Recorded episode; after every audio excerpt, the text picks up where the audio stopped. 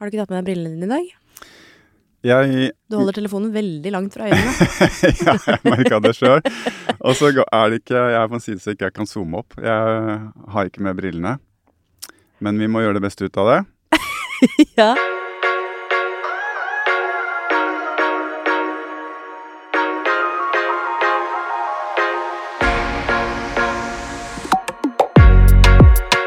Men det jeg så i går, ja. det har jeg lyst til å si fordi øhm, Jeg tenker ikke briller, men du la altså ut den mest fantastiske kjærlighetserklæringen på alle dine sosiale plattformer. Og sånt blir jeg så glad av. Blir du? Ja, jeg gjør det. Jeg Ja. blir så oppriktig glad av det. Ja, fordi du kommenterte med hjerter og greier, så jeg visste ikke om det var ironisk eller ikke. Nei, det var ikke ironisk. Nei. Og det er jo, jeg vet ikke om det er riktig av uh, hvit mann som pusher 50 å si, altså, men jeg er oppriktig fan av eh, kjærligheten.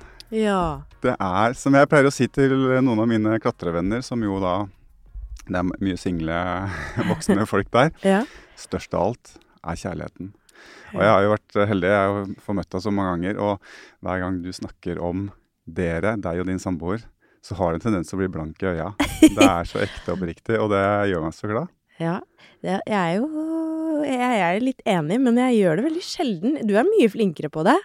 Du er flink til å legge ut bilder av Rønnis og Ja. dere er på sånn fjelldate og sånn. Jeg vet ikke, jeg, men nå handler dette mest om deg, egentlig. Ja. Fordi det jeg er nysgjerrig på, er jo, Eh, er jo spørsmålet da hvordan, hvordan klarer dere å opprettholde kjærligheten? Fordi dere er jo midt i livet, på det mest hektiske og strevsomme. Med, med nyfødt barn, altså to småbarn, ett eh, som er ganske nyfødt. mm. Eh, hus som jeg fortsatt ikke regner med er ferdig oppussa.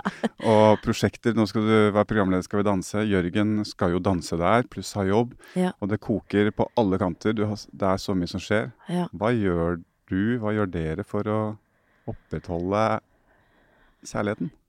Ja.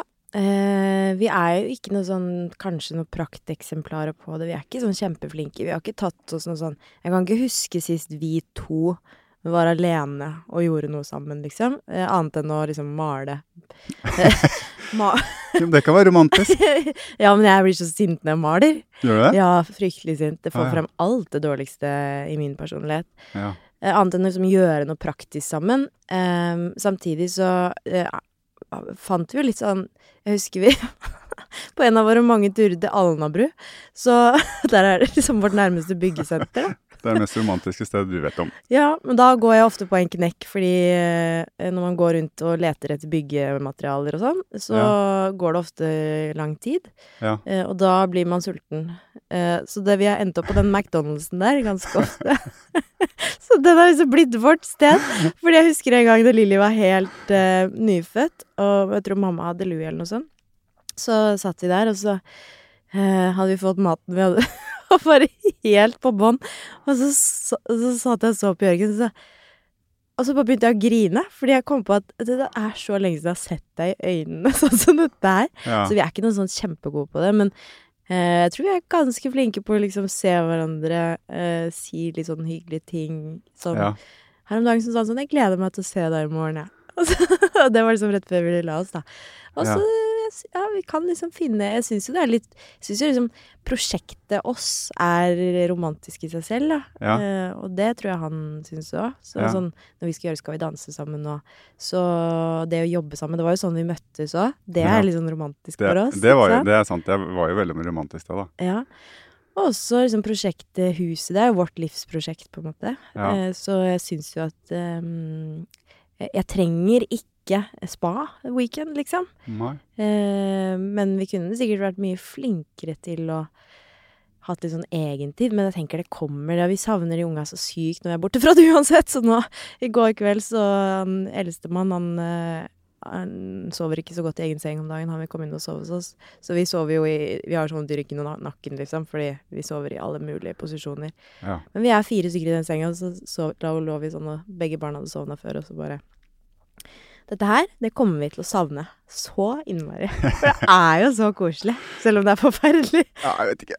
Jo, det er koselig, ass.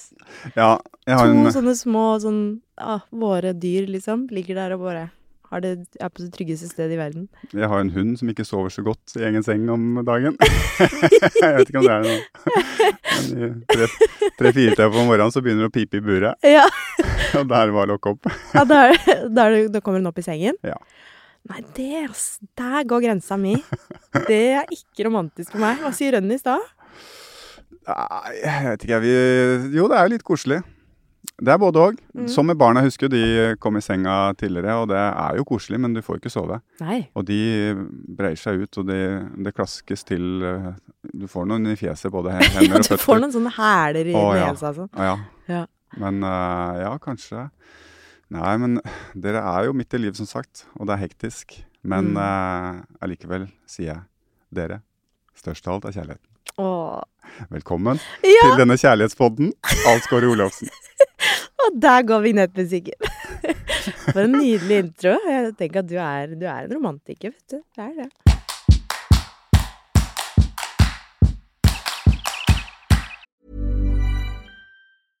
Hey, I'm Ryan Reynolds. At Mint Mobile, we like to do the opposite of what Big Wireless does. They charge you a lot, we charge you a little. So naturally, when they announced they'd be raising their prices due to inflation, we decided to deflate our prices due to not hating you.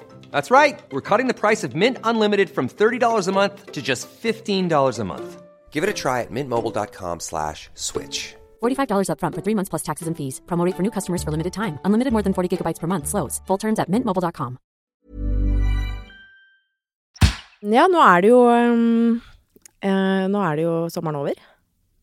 Hva er det som irriterer deg med at sommeren er over, Thomas Alsgaard? Ja, det i seg sjøl syns jeg jo er irriterende. Ja. For det går så fort. ja, det gjør Jeg gleder meg hele vinteren, egentlig, til sommeren. Ja.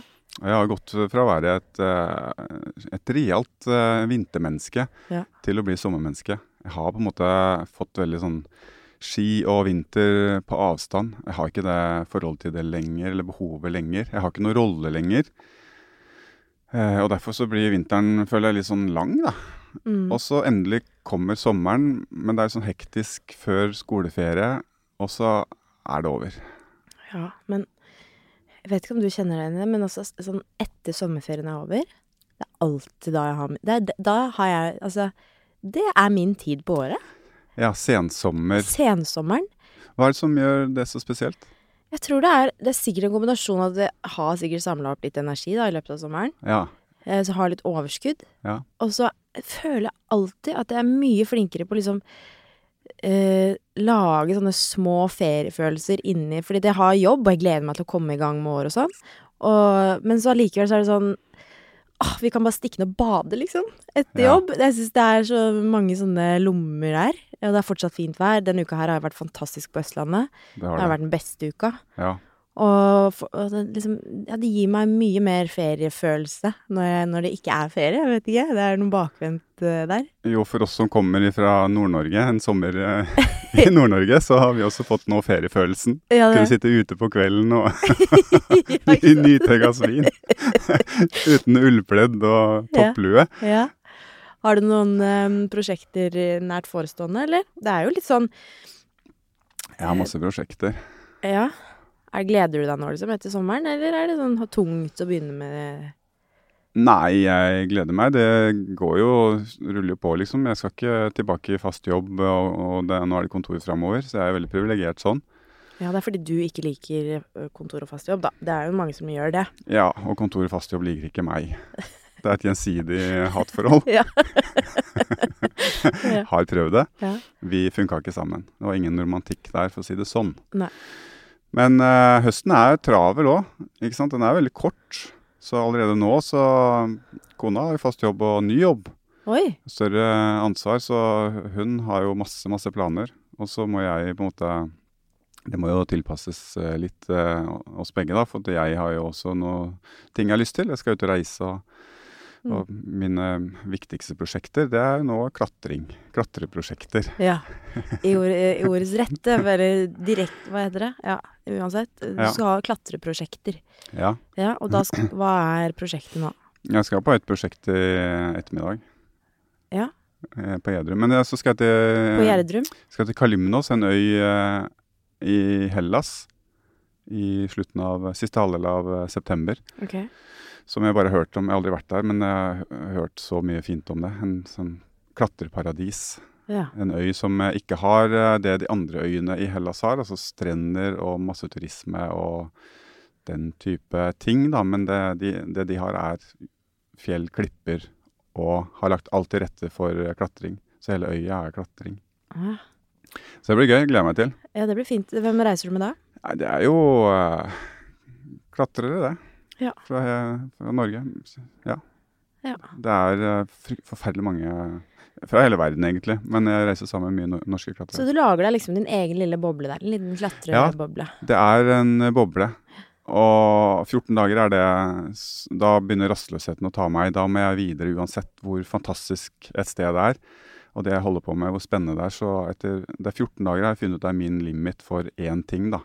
Ja. Da må jeg videre. Men livet er jo litt som eh, gamle dager. Det å være aktiv, på en måte. Det er så enkelt. Det er stå opp tidlig, har fysisk aktivitet eh, i fire timer. Og så er det god, lang lunsj med god mat. Og så er det slappe av, kanskje bade litt, eh, en god bok. Eh, og så er det tidlig i seng. Og sånn går dagene, da. Så en Mm. utrolig sånn rekreasjon, da. Jeg føler meg alltid utrolig bra når jeg kommer hjem fra de klatreturene der. Men legger du da inn at du skal være der i 15 dager, sånn at du liksom akkurat rekker å bli lei, eller 13 dager, sånn at du holder lysten oppe? Jeg hater siste dagen uansett hvor jeg er. er det sånn? Ja, jeg gjør det. Jeg har aldri, tak enough. Ja. aldri takla en siste dag. Det, og det er helt tilbake til treningssamlinger.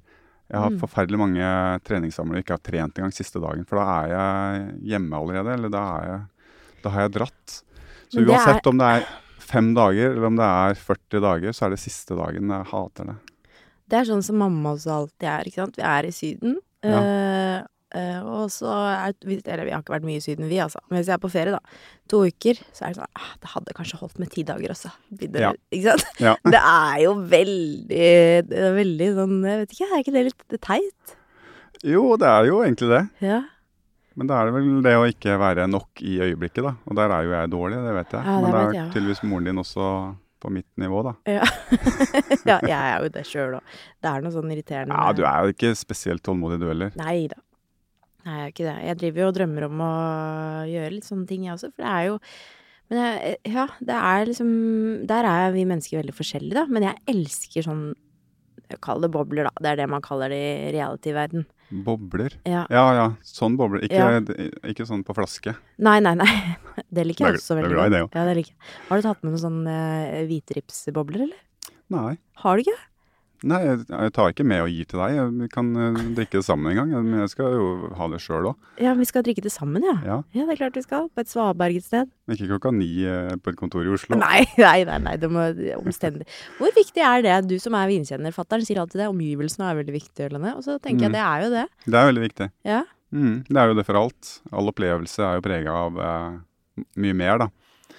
Og i vinverdenen er jo det Det er mye diskutert fordi man skal på en måte analysere innholdet og ikke være prega av noe. Det skal være veldig sånn rendyrka Noen mener jo det.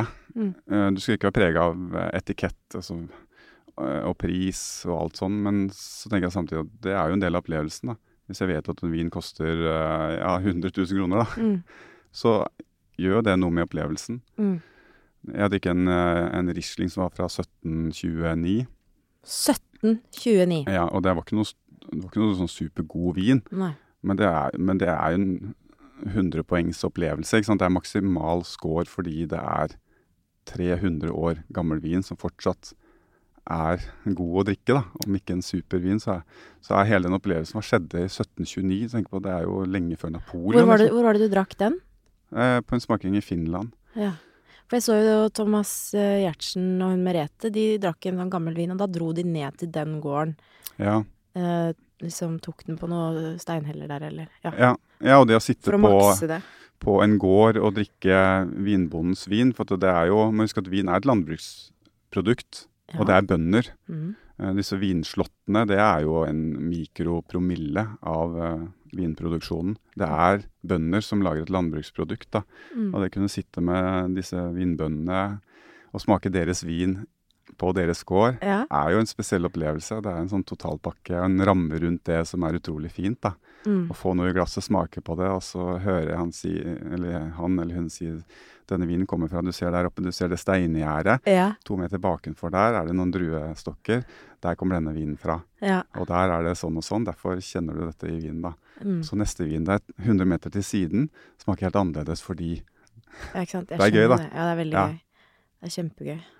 Så vin er ikke bare snobbeprodukt, det. altså Det er jo et landbruksprodukt. Landbruksprodukt og en, en sånn eh, livskvalitetsforhøyende produkt, føler jeg. Ja, og tenk da når du får smake musserende ripsvin fra Alsgården på Onøy i Luri kommune. Ikke sant? Ikke sant? Det er jo noe eksotisk over det. Meget.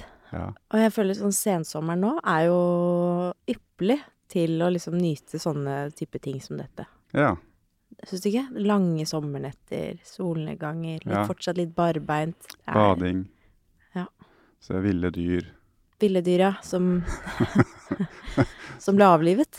som ble avlivet. Ja. Ja. ja. Stakkars Frøya. Har du sett Frøya? Jeg har ikke sett Frøya, jeg har tenkt mye på henne. Ja. ja. Jeg har jo, er jo en familie som er full av haiskrekk, men nå har det vært Frøya-skrekk. Eh, oh, ja, så de har vært redd for at hun skal ja, ja. Når dere er ute og bader? Ja. Og Tenk tenk om Frøya dukker opp nå! Ja, ja, Ja. ja. Ja. Mm, ja. Nei, det jo, um, har jo preget avisene, kan man eh, si. Ja, jeg som er fra bygda, jeg syns jo det er eh, Det mest interessante er jo å se hvordan Oslo-folk, byfolk, på en måte forholder seg til vill natur. Det Ja. syns jeg er spennende. Ja, det syns jeg er spennende. ja, så det er utdyp. Det er min, mine tanker om det. Ja. ja jeg syns det eh, Det er noe litt søtt ved det òg, tenker jeg. Sånn eh, Er det ja, ikke litt det er eh, noe søtt ved det, men også noe sånn veldig urealistisk, og jeg vet ikke. Men jeg er ikke noe naturens mann, jeg. Men jeg har jo hatt liksom naturen Du som er naturens mann, jo. Det har jo vært eh, mitt kontor, min arbeidsplass i uhorvelig mange år, da. Så jeg har jo Jeg møter jo da, altså ville dyr daglig. Elg, rådyr, fugl, alt mulig på mine turer. eh, Ja, treningsturer eller, eller hva som er helst oppe i skogen, da. Så kanskje litt annet forhold til det, da. Og jeg syns Jeg er glad i alle dyr, og jeg syns vi skal kjempe for alle dyrs rettigheter, men eh, så går det en sånn balanse, liksom. Når ville dyr som kan være farlig for oss, kom, forviller seg inn i våre områder, hva gjør vi da? Mm. Det er det som er problemet. Og vi vet jo at det blir konflikt, det vet vi fra dag én. Så kan man prøve å romantisere det litt, og prøve å Jeg veit ikke, men det er jo vanskelig. Apropos, da, ville Mm. dyr i Oslofjorden. Mm. Eh, Vi har en lytter som faktisk har skrevet til meg. Ja. Eh, For han har vært ute i Oslofjorden. Eh, opplevde hoppende sverdfisk, han og kompisene. Ja. Men har et problem, ingen tror på det. Eh, ja. Vet du noe om det? Nei, sverdfisk er ikke noe sånn stor greie på. Elg og rådyr. Det jo rådyr? ja. Hvis det er noen som veit om det finnes sverdfisk i Oslofjorden, så har vi i hvert fall sagt, du, sagt det. Hvis det er andre som kan eh, dokumentere og ha sett det, Ja. så kan uh, styrke hans historie. Ja, absolutt. Ja. ja. Men det er jo Ja. Nei, jeg syns det er fint med ville dyr. Jeg, jeg liker det å se det der de er. Men når, de, når elgen kommer, trasker inn i hagen og ødelegger eh, alt av busker og frukttrær og alt sånt der, så blir jeg forbanna, selvfølgelig. For vi der har skal den ikke være. jo rev ute hos oss, Ja. eh, og det også var jo Det er jo veldig eksotisk. Jeg hadde aldri sett rev før. Jeg Nei. flyttet ut dit, og det var jo veldig kult. Den kom innpå Men så fikk vi barn, da var det ikke like kult lenger. Fordi den var veldig tam, den reven, fordi Ja. folk mater den, ikke sant. Så Ja. det er jo den store konflikten. Ja. Eh, om man skal mate eller ikke. Man skal selvfølgelig ikke mate. Nei. Det er ikke vennene våre, altså. Vi må liksom forholde oss til det som det det Akseptere at det er. er i naturen. Det er et dyr. Det er et vilt dyr.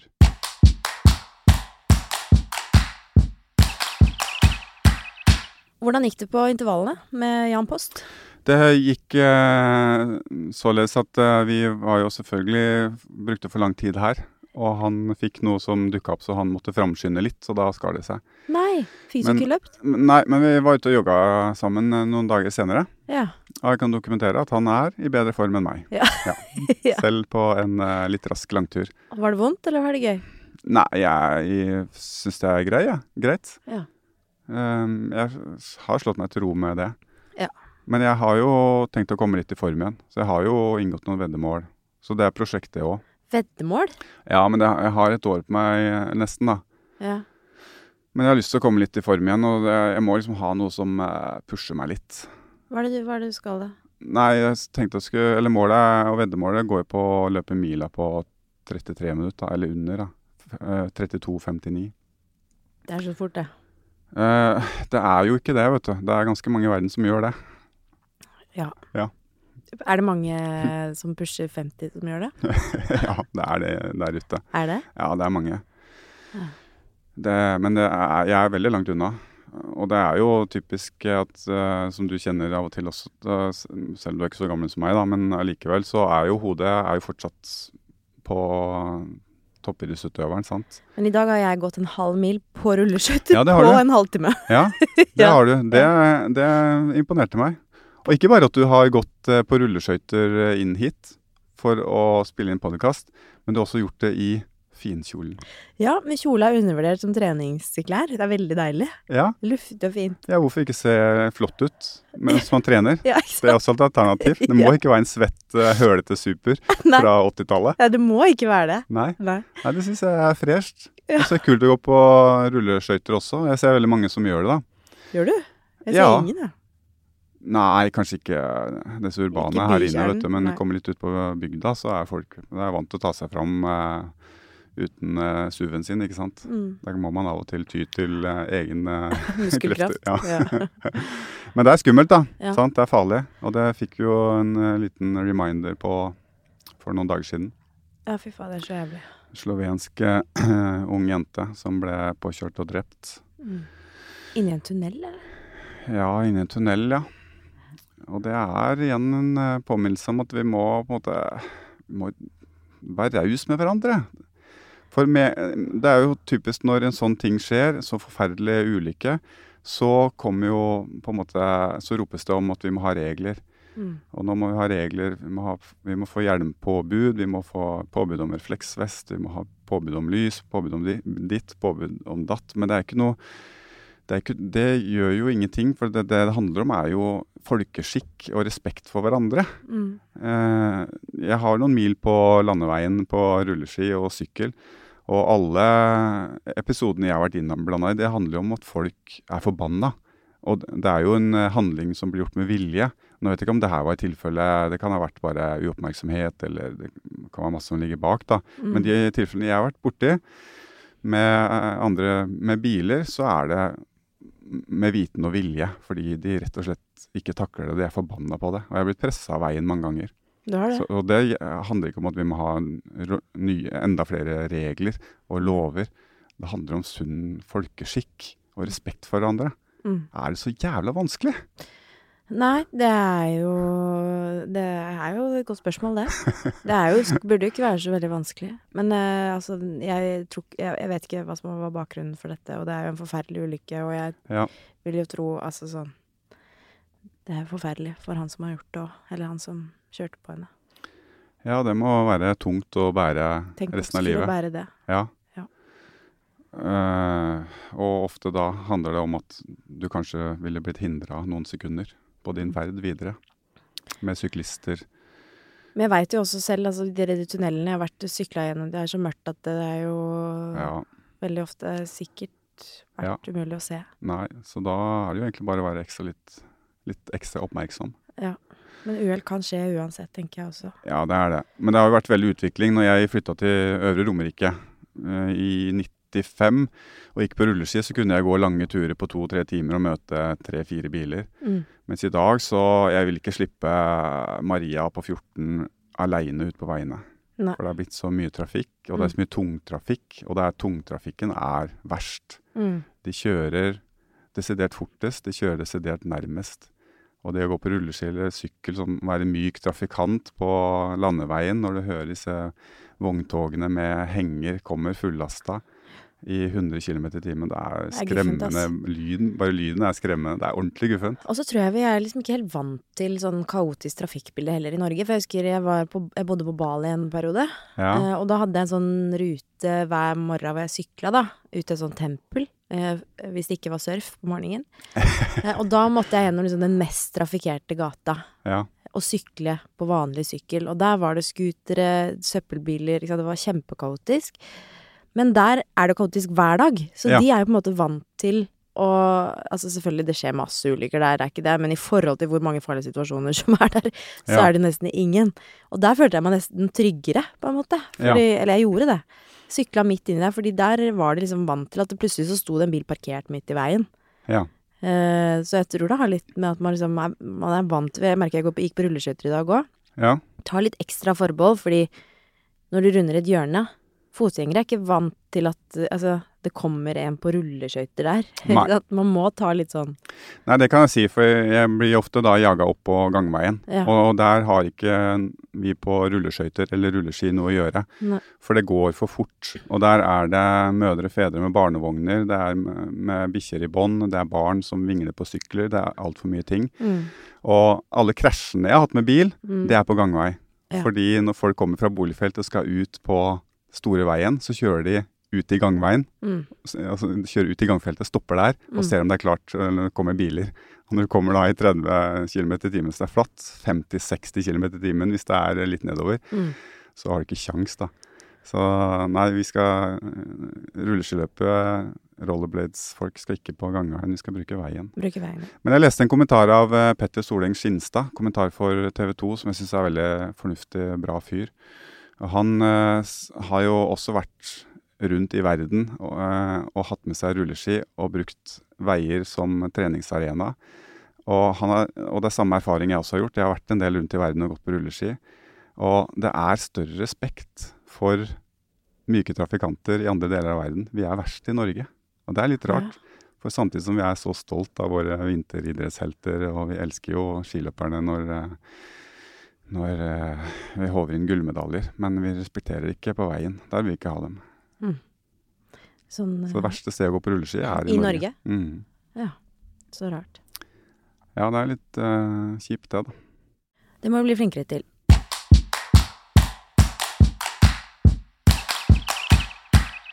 Um, jeg har vært litt sosial i det siste. Eh, Ja. Jeg har vært eh, på et par eh, veldig uvanlige Jeg har vært på fest. på, Rett og slett. på sommerfest, Ja. rett og slett. Kalle spade en Det hørtes litt så rart ut når jeg sa det. Jeg har vært på fest. Hvorfor skulle du ikke tørre å si at du har vært på Nei, fest? jeg vet ikke, jeg ser ikke det. Det er noe problem å si at jeg har vært på fest. Det er bare at det hørtes rart, det hørtes rart å si det, for det er så lenge siden jeg har vært på fest. Okay. Men i hvert fall så møtte jeg ei som um, uh, hørte på podkasten vår.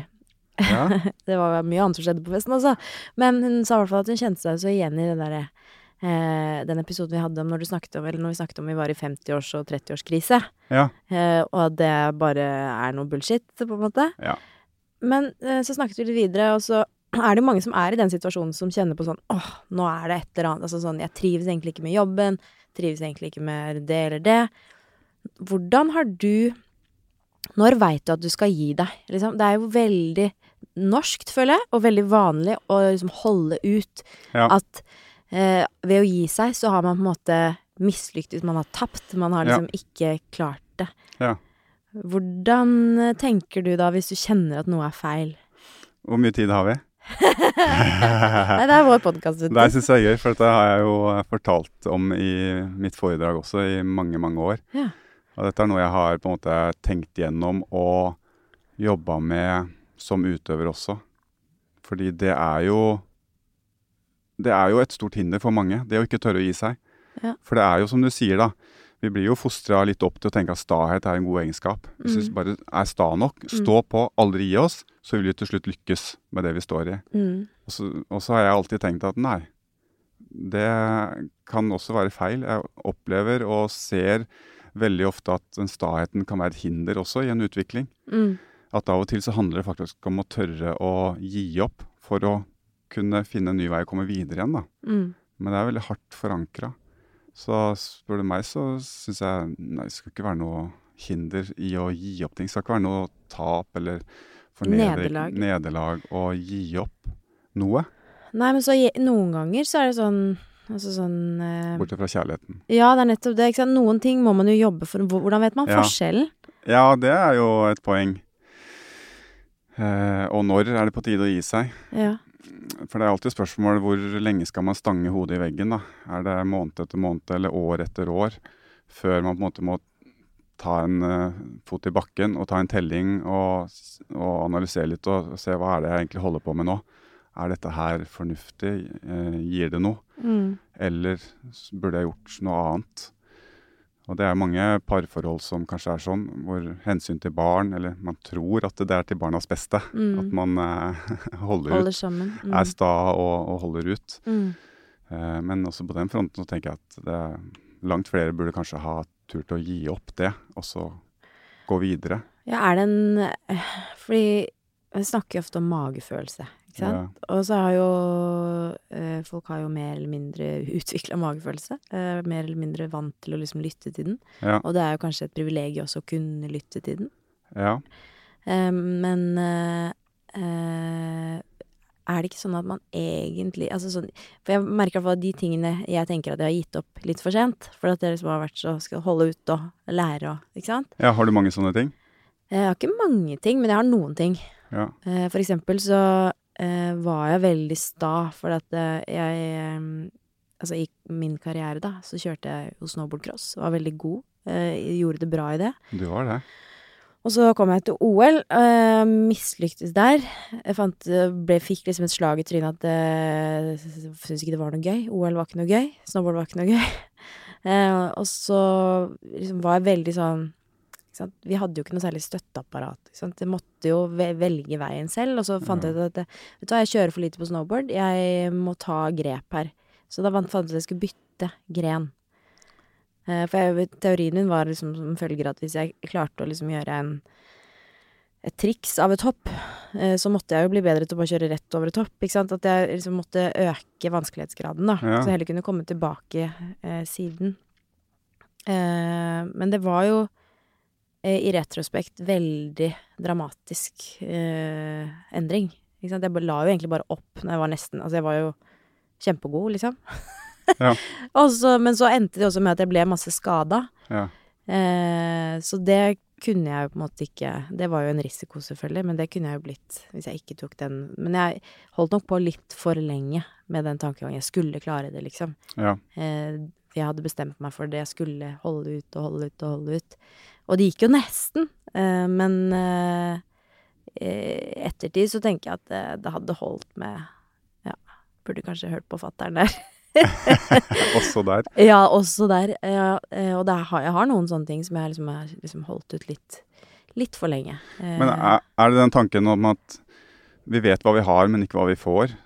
Er det som gjør at vi holder igjen litt? Pluss andre folks meninger? Hvis man på en måte gir opp noe? Ja, og så tror jeg også det er en sånn følelse av at vi har lagt ned så mye i det. At vi Ja. vil ikke at det skal være bortkasta. Ikke sant? Tror du ikke? Jo. Jeg hadde en veldig spennende samtale med Øystein Stray Spetalen for Oi. mange, mange år siden. Ja. Vi satt på Oro restaurant. Ja. Eh, av en eller annen grunn så satt vi og snakka sammen, og det var veldig spennende. Jeg husker mye av den samtalen ennå. For det, det, det som slo meg for det første, var at han fyren der, han er jo vel så mye toppidrettsutøver som meg. I tankegang og i huet. Mm. Men uh, uansett, en ting han sa som jeg fortsatt husker veldig tydelig i dag, er jo det at hvordan han Hvor flink han var til å Altså når han involverte seg i prosjekter, og når det på en måte ikke gikk som forventa, når det begynte å gå skeivt, og det begynte å, å gå mot tap, Mm. uh, hvor hard han var på da bare ta prosjektet, putte det i en skuff, registrere tapet, og så begynne med noe nytt. Ja. Istedenfor å prøve å redde stumpene. Og det er det vi snakker om nå, da. Mm. Hvor flink han var til å da gi opp, selv om det handla om å tape masse penger. Så er det Mm. bare ta det tapet med en gang, bli ferdig med det, og så starte på noe nytt. Og så Ja. ha noe, skape utvikling og framdrift og noe eh, som er motiverende og inspirerende igjen, da. Og det høres jo veldig så, Sånn tenker de jo i hele Silicon Valley. Altså, sånn, det, Ja. I businessverdenen så er de mye flinkere på det ofte, føler jeg. I hvert fall de som er gode, da. Men burde kanskje være flinkere til å tenke sånn i, i andre områder av livet òg. Jeg føler jeg er flink på det. Jeg, jeg føler jeg har på en måte vært flink til å analysere og gjøre noen tanker rundt det ganske tidlig. I treningssammenheng og i alle valg der, da, i forberedelser og Hvilke ting er det du har prøvd som du har tenkt at eh, Nei, det er masse, masse treningsplaner, masse ideer mm, og ting jeg har kasta meg inn i, og så kjenner jeg fort at det her er ikke Jeg får ikke svarene jeg vil ha. mm, Og kutta det ut med en gang. Eller gitt opp en sesong. Mm. Kutta ut resten av sesongen Mm. for å bare bli ferdig med den, og så starte med noe nytt. Altså, jeg har aldri vært redd for å gi opp noe.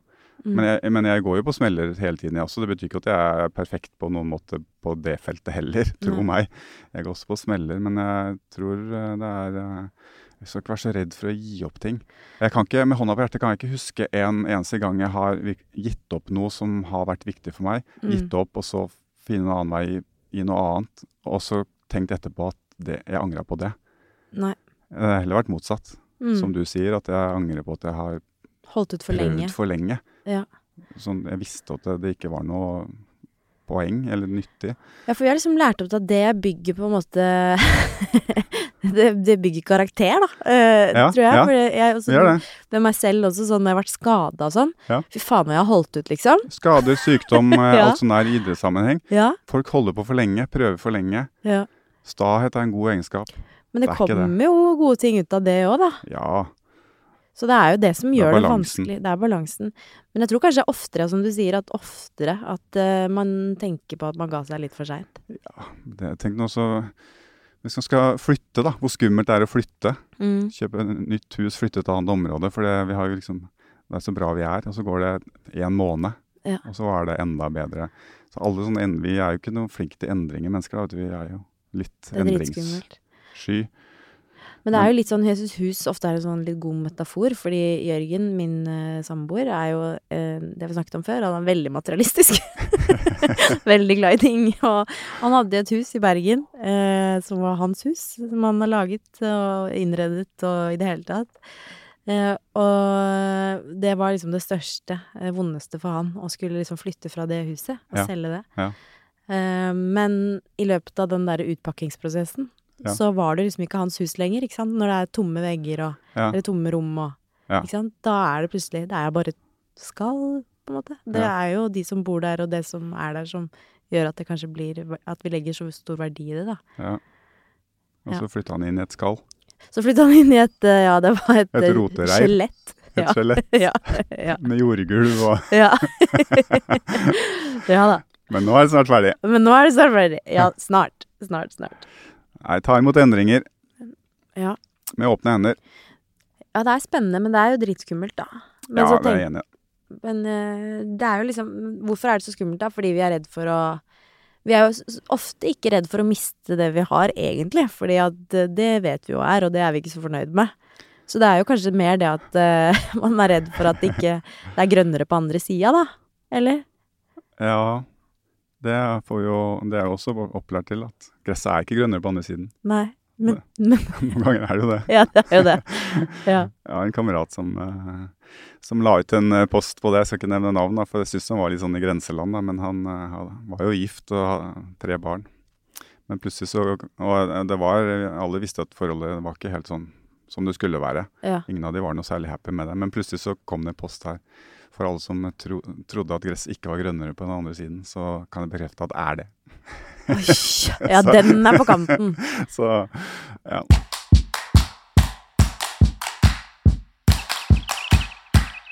Jeg jo, jeg tenkte litt på sånn Vi har jo hatt eh, eh, Nå har vi hatt en del episoder. ja. Eh, dette var jo din eh, idé med podkast. Det, Ja. Det var ditt initiativ. Jo, jo, det ok. var det. Ja. Hva, hva sitter du igjen med så langt? Hva føler, hvor i prosessen føler du at vi er? Hvordan skal vi bli bedre? Jeg har jo jobba så mange år nå og blitt flinkere, syns jeg, hele tida til å legge bort ambisjoner.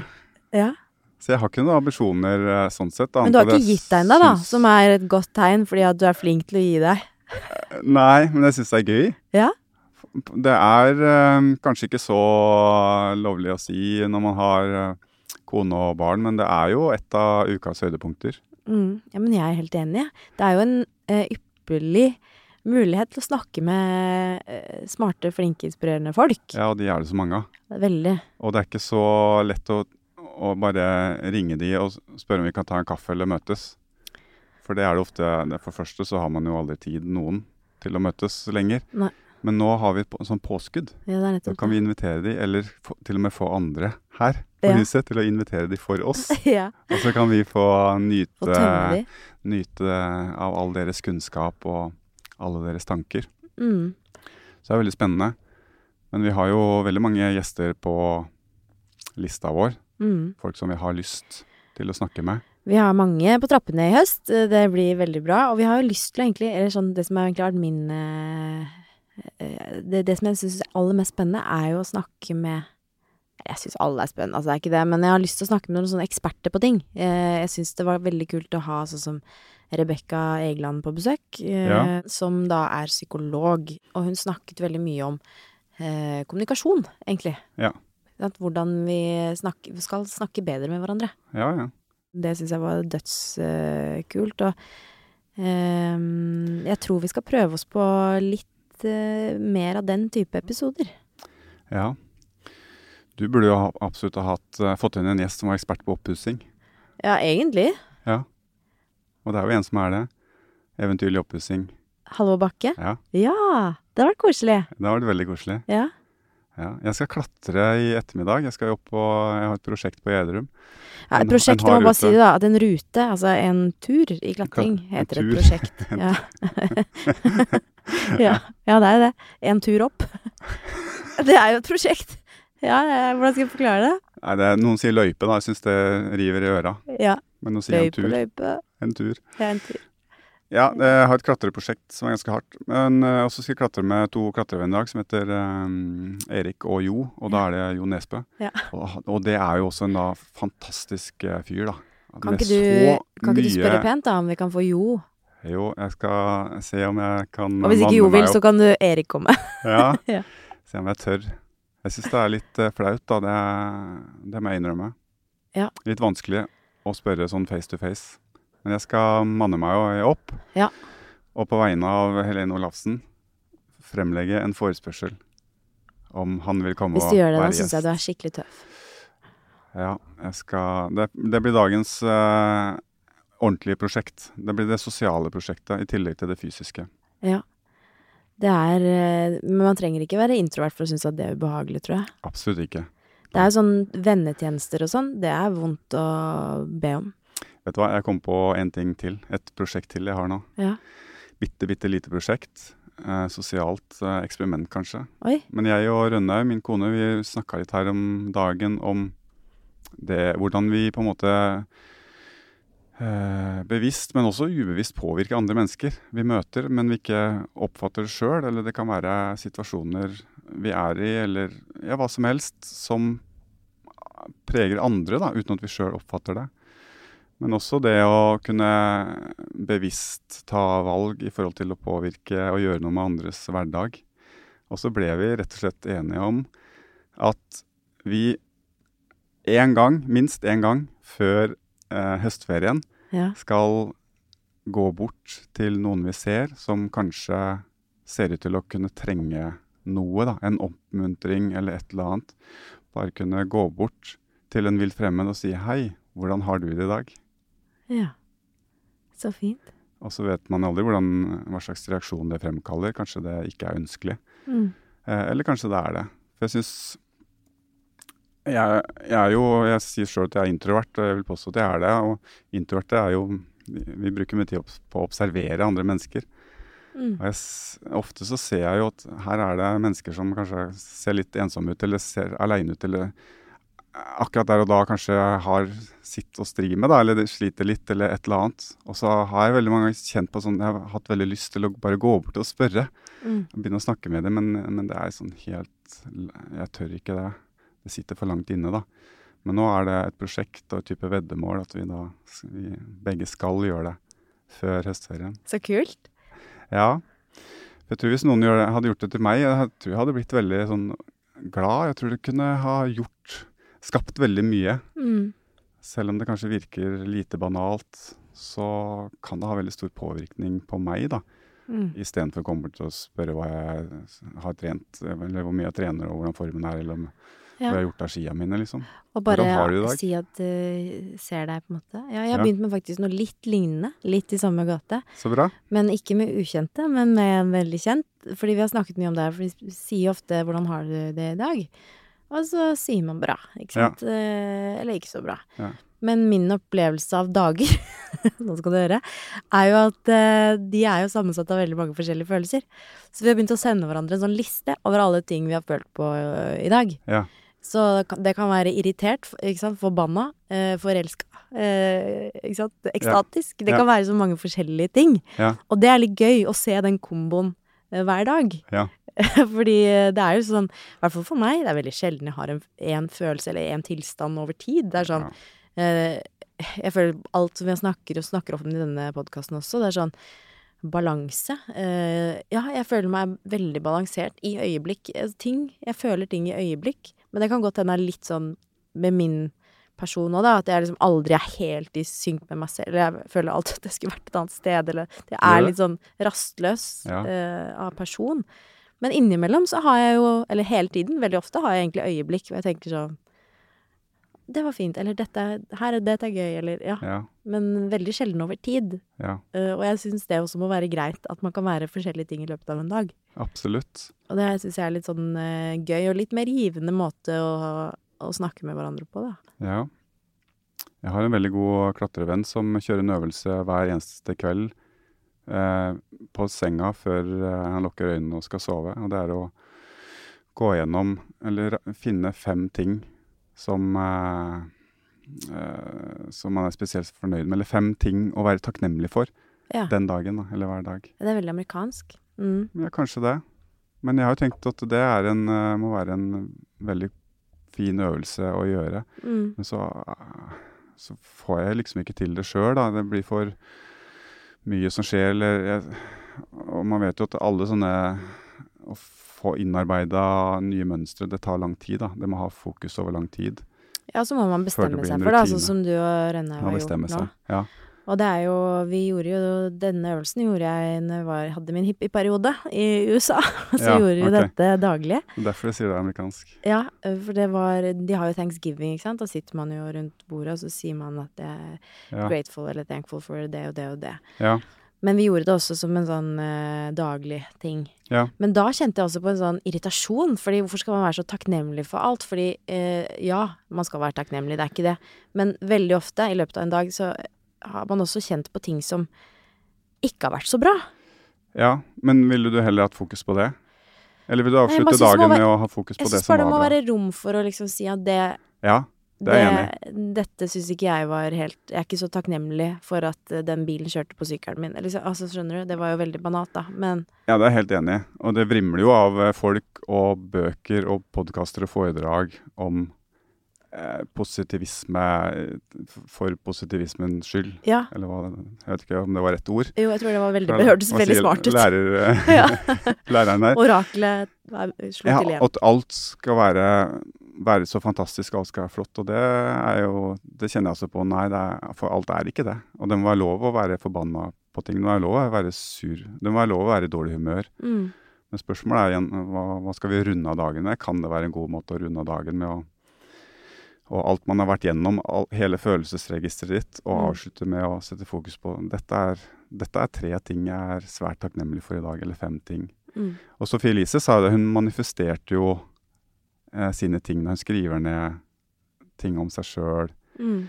eh, og litt hva hun ønsket å oppnå. Mm. Og Rønne, min kone, er også veldig flink til det på morgenen. Å skrive ned. Ikke bare sette seg ned og tenke på det, men skrive det. For det skjer jo også noe med Så forskning viser at det skjer noe i hjernen når vi tar tankene ut i pennen og ned på et papir. Da, så flytter du det fra et sted i hjernen til et annet, og det Mm. blir eh, sterkere forankra. Men hun skriver ned eh, Jeg har en flott familie som er glad i meg. Jeg har et fint sted å være. Jeg har en jobb jeg trives med. Alle sånne ting som hun er takknemlig for. Mm. Begynner, hun begynner dagen med det, Mm. og er veldig flink til det. Mm. Og jeg tror det påvirker henne resten av dagen. da. Hun starter med, med alle de tingene som gjør henne glad, og som hun er takknemlig for. Så gir det et løft eh, og en god start på dagen som hun drar med seg. Det er jo en veldig fin ting å ta med seg inn i det nye jobbåret, tenker jeg. Og liksom kanskje Ja. prøve seg på litt sånn rutiner, sånn om det er en yoga eh, om morgenen, om det er en kaffekopp, om det er å sette seg ned og skrive. Ja, Eh, litt sånn hva du er takknemlig for. Det er sikkert eh, veldig fin måte å komme i gang liksom, ja, Litt sånn nye rutiner som er bra, da. Ja, kanskje det. Det er sikkert veldig fint. Jeg kom på også en ting som jeg har vært eh, lært av denne podkasten.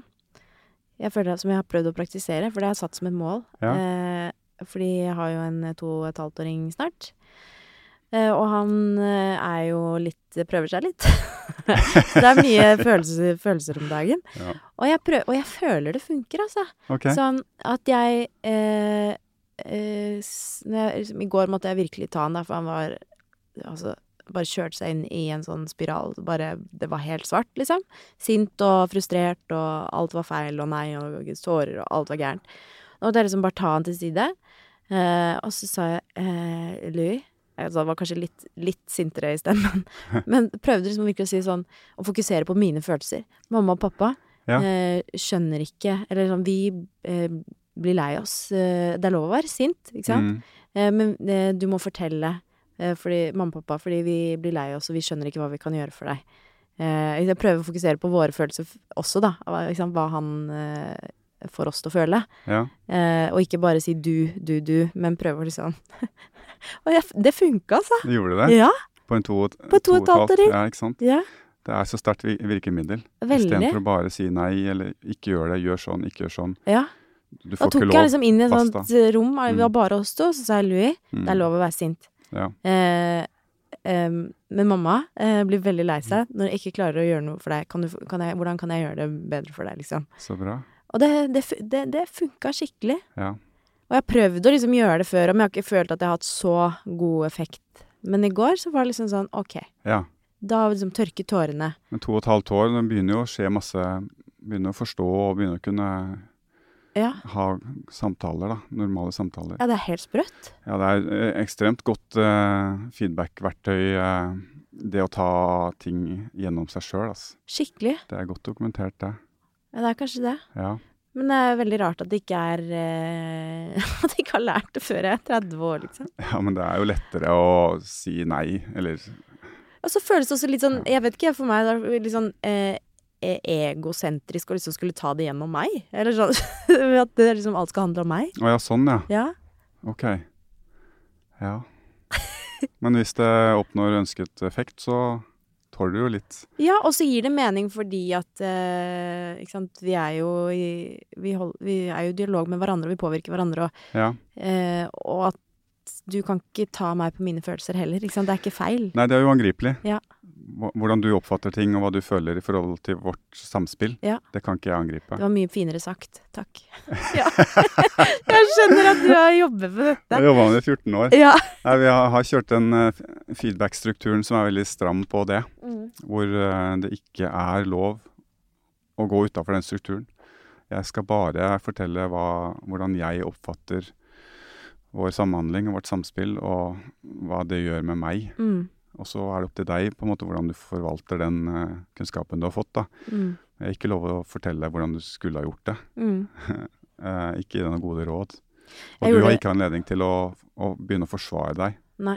Ja, men det var ikke sånn at du skal bare lytte, ta det til. For det er som sagt uangripelig. Jeg gjorde det med Jørgen her om dagen òg. Ja, det var det jeg skulle spørre. Har du prøvd dette på Jørgen? Ja. Men det, Jo, jeg gjorde det faktisk her om dagen. Eh, For jeg har, jeg har begynt å øve meg på det, da. Ja. Men han kom hjem og var, eh, var på fest. Uten meg, da. Det var sånn Skal vi danse-fest. Ja. Og la meg bare si at det hadde null effekt. Det, det, var, det nådde ikke hjem. Nei, men det er det ikke rette tidspunkt. Nei, Når du kommer hjem fra fest. Jeg tar selvkritikk på det, Ja, men allikevel. Egner seg bedre på formiddagen Ja. med et klart hode, og man er på samme nivå. Ja, ja, ja. ja. Kanskje hvis, hvis begge kommer hjem fra fest, du kan prøve da. Kanskje jeg tror ikke det funker heller. Nei, jeg tror faktisk ikke det. Nei. Nei, det hadde null effekt.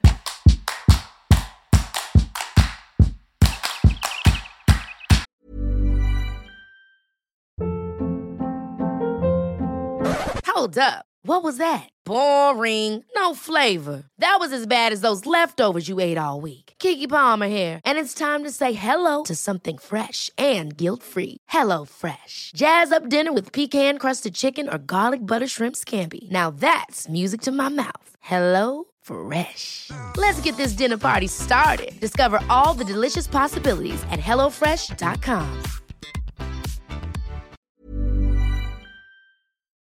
Men eh, hvordan går det med Skal vi danse? Å ja. Uh, det går jo bra, det. Ja, nå er jo alle lansert, så jeg. Ja. Ja. Hvem eh, vinner i år? Oi, nei, det er helt umulig. Har du lov å ha noen favoritt? Si. Uh, jeg tror egentlig ikke det.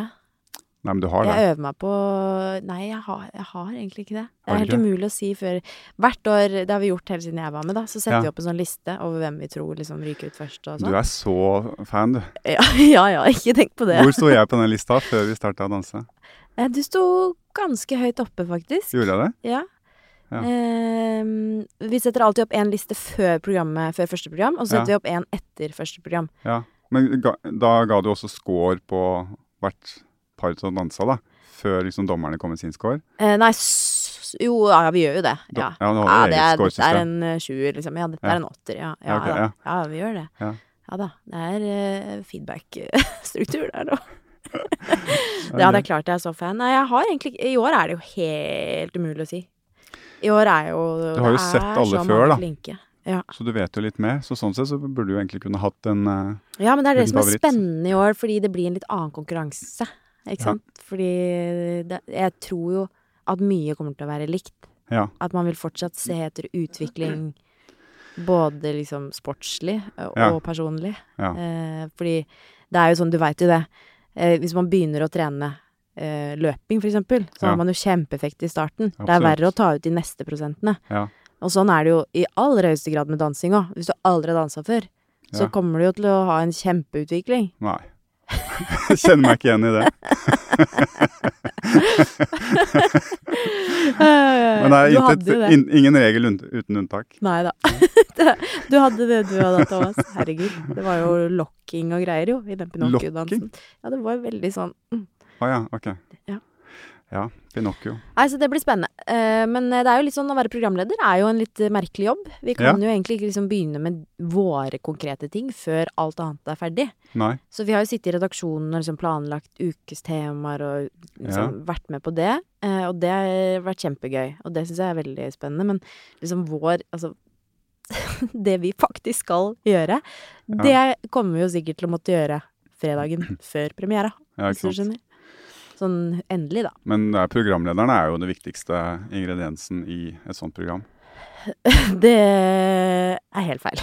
Er det det? Ja, mener du det? Er det ikke de som er stjernene? Nei. Nei, det er kanskje Nei, vi skal sy sammen alt. Ah, ja.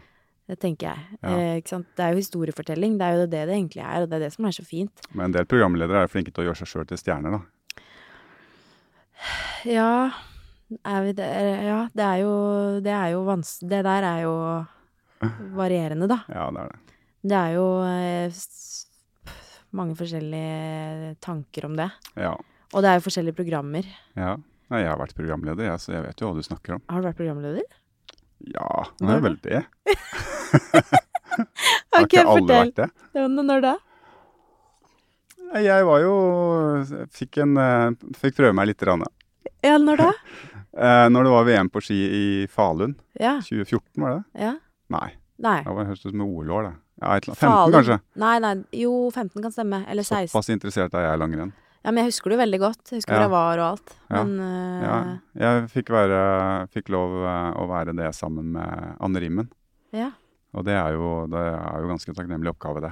Få lov, når jeg først skulle få lov å prøve en sånn rolle, å ha Ja. med Anne Rimmen. Ja, nei, jeg syns eh, um, Altså, jeg ser på vår oppgave som Eller sånn, sånn som jeg ser på det, da. Ja. eh, så mener jeg jo at eh, Jeg er jo litt tilhenger av den skolen som sier at programlederen ikke skal ta noe vekk fra opplevelsen. Særlig i et sånn type program som eh, Skal vi danse, for der er det jo så mye show, det er så mange personligheter. Vår oppgave er jo å få de til å skinne. Ja. Eh, men samtidig så er det jo eh, gøy å tenke litt sånn på nye ting man kan gjøre. Altså utfordre rollen litt, da. Ja. Eh, ikke være så forutsigbar, for det er også kjedelig, ikke sant. Hvis man, er, hvis man gjør det samme hver gang som programleder, Ja. så blir det dølt òg. Men det er jo live sending, så du vet jo aldri hva som skjer. Men det passer jo kanskje deg bra, da. Ja, jeg du liker det. vel kanskje det bedre Jeg liker det mye bedre. enn et manus. Ja, Ja. ja. Eller det er jo alltid et, Man har jo alltid et cirka-manus, Ja. ikke sant. Det er jo, Hvis du først har rammer og struktur, har jo- så har du frihet òg. Ja, det er nettopp det. Ja. Ja, så Det har vi er snakka om i den det podkasten, at vi burde hatt rammer og struktur. Ja, det har vi aldri fått ennå. Nei, jo da, vi har litt, vi har litt å gå på der, men samtidig Ja. så er det sånn Eh, de gangene vi har hatt best manus, Mm. så har det sklidd mest ut òg. Og Ja. det eh, er jo spennende. Som oftest er de tryggeste rammene vi har, er at vi begge møter opp til avtalt tidspunkt. Ja, det er i hvert fall det er gøy at du sier det, som aldri har forberedt noen ting. Nei, jeg er ikke noe glad i forberedelser. Nei. Og da tenker folk sånn herregud, du har vært skiløper og trening og A4 og alt sånt der. Ja. Nei, jeg er ikke noe glad, jeg hater forberedelser. Du hadde forberedelser, og du hater å gjøre ting mer enn to uker, så det er fascinerende at du har klart å drive med ski så lenge. Ah, men jeg elska jo ski, da. Ja. ja. Kjærlighetsforhold der. ja.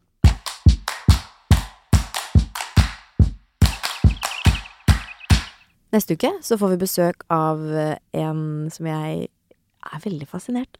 En av mine tidligere lærere på eh, eh, lærerhøgskolen. Å ja. Ja, han, vi hadde han i eh, kroppsøving. Professor, ja. Ja. Eh, fi filosof, må vite. Oh, ja. Eh, Jens Birk, vi skal snakke litt om eh, hjernen, om læring. Ja. Kult. Og om litt sånn eh, eksistensielle, filosofiske ting som du liker å snakke om. Ja. Jeg var på sånn forskningsprosjekt på Hjerne for eh, mange år siden. Ja. Satt med sånn der eh, hjelm med elektroder og målte eh, hjerneaktiviteten. Ja. Ja. Og det som skilte, altså sånn for å finne ut hva som skilte de beste fra de nest Ja, beste og sånn? sånn. Ja. I idrett, næringsliv og kultur. Ja. Tre, seks grupper, da. Og det som skilte deg fra de andre var Det det koker ned til, er egentlig de beste i alle tre Altså, ja. Idrett er jo enkelt. Der er noen best og noen nest best. Mm. Det er jo kl veldig klart. Ja. I hvert fall i de fleste idretter som går på tid. Også næringsliv er jo, og kultur er jo mer diffust, liksom, men som egentlig er best. Ja. Men sånn eh, noenlunde. Men det som var uh, gikk igjen, da, som var felles for alle tre gruppene av best kontra nest best i sine bransjer eller sine grener, var på en måte en sånn ro, egentlig.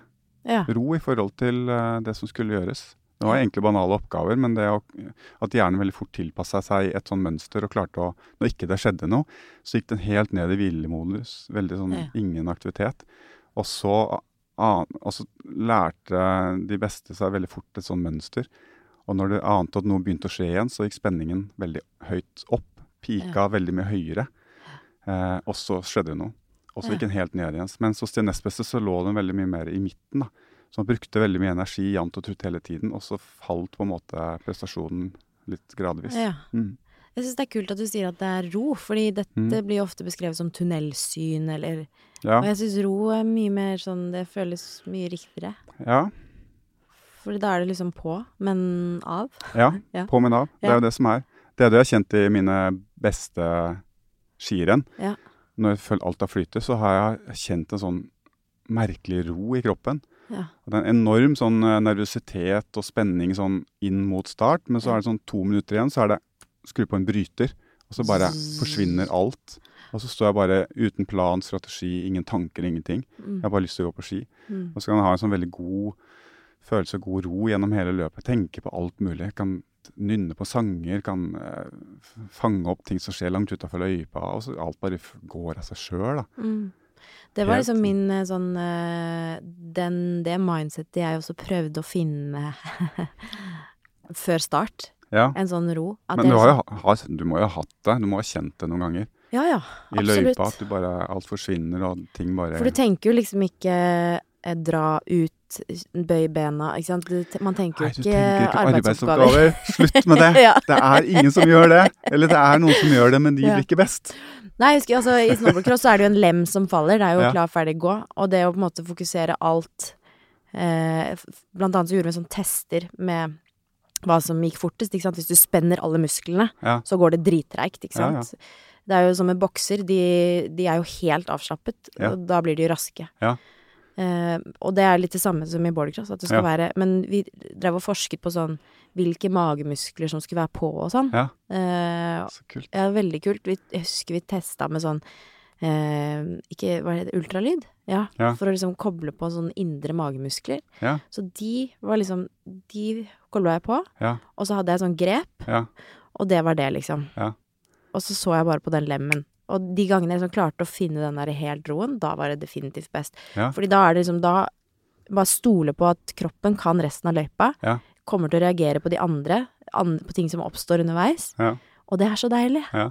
Det er det- så digg, det. Ja, men det er, det er så motsatt av det alle tror. Se på um, slow motion-bilder av Usain Bolt på 100 meter. Mm. Det er, ikke, det er så Kinna avslappa. bare slenger. Alt som ikke skaper og fart andre ting slenger òg. Slenger. Uten å gå nærmere inn på hva det er. Alt som ikke brukes til å skape fart framover, Ja. er helt så avslappa som det går an. Ja. Det er fascinerende. Det er dødskult. Men det blir spennende å høre da om Jens har eh, Om han toucher innom noe av det samme som jeg har vært og forska på. Eller så må vi ta kanskje en egen episode om det en gang, for det var utrolig spennende det prosjektet der. Altså. Og det ble skrevet en svær, tjukk bok på engelsk. Jeg har ikke orka å, å, å begynne på den engang. Men jeg har fått essensen i den boka. Det er masse spennende der. Ja. Hvordan alder, erfaring, eh, treningstimer, hvor lite det egentlig påvirker topprestasjon. Ja. Som var det som var forskningen. Finne liksom, hva, hva skaper topprestasjon. Ja. Selv i idrett så har alder og trenings, an, eh, treningsrutine skremmende liten effekt på topprestasjon. Ja, Og det ser vi også når det er eh, 14-15-åringer nå som når de får lov å være med i OL, så, så tar de gull, de òg. Ja. Så egentlig 10 000 siden Det er bare en sånn tullegreie som Greie. Olympiatoppen har funnet på. ja Ok, ja, men da med Det er masse krutt igjen, syns jeg. Eh, altså, ja, jeg gleder meg skikkelig til det. Eh, apropos unnskyldninger for å snakke med smarte folk. Eh, han er liksom At jeg ikke fikk Jeg slutta jo på lærerskolen, og ja. Var lei meg for at jeg ikke fikk vært med på flere av de eh, undervisningstimene hans, for det var eh, en gave. Så det gleder jeg meg til. Eh, sees neste uke, da. Ja, det gjør vi Kan det. ikke du ta med noe bakst, for det er så tomt der når ikke du har med bakst. Ja, jeg, nå fikk jeg parkere så nærme, så gikk jeg ikke forbi bakeren. Nei. Men eh, ikke bli overraska om eh, jeg også kanskje kommer på rollerblades Neste gang neste gang. med bakst. Åh, digg.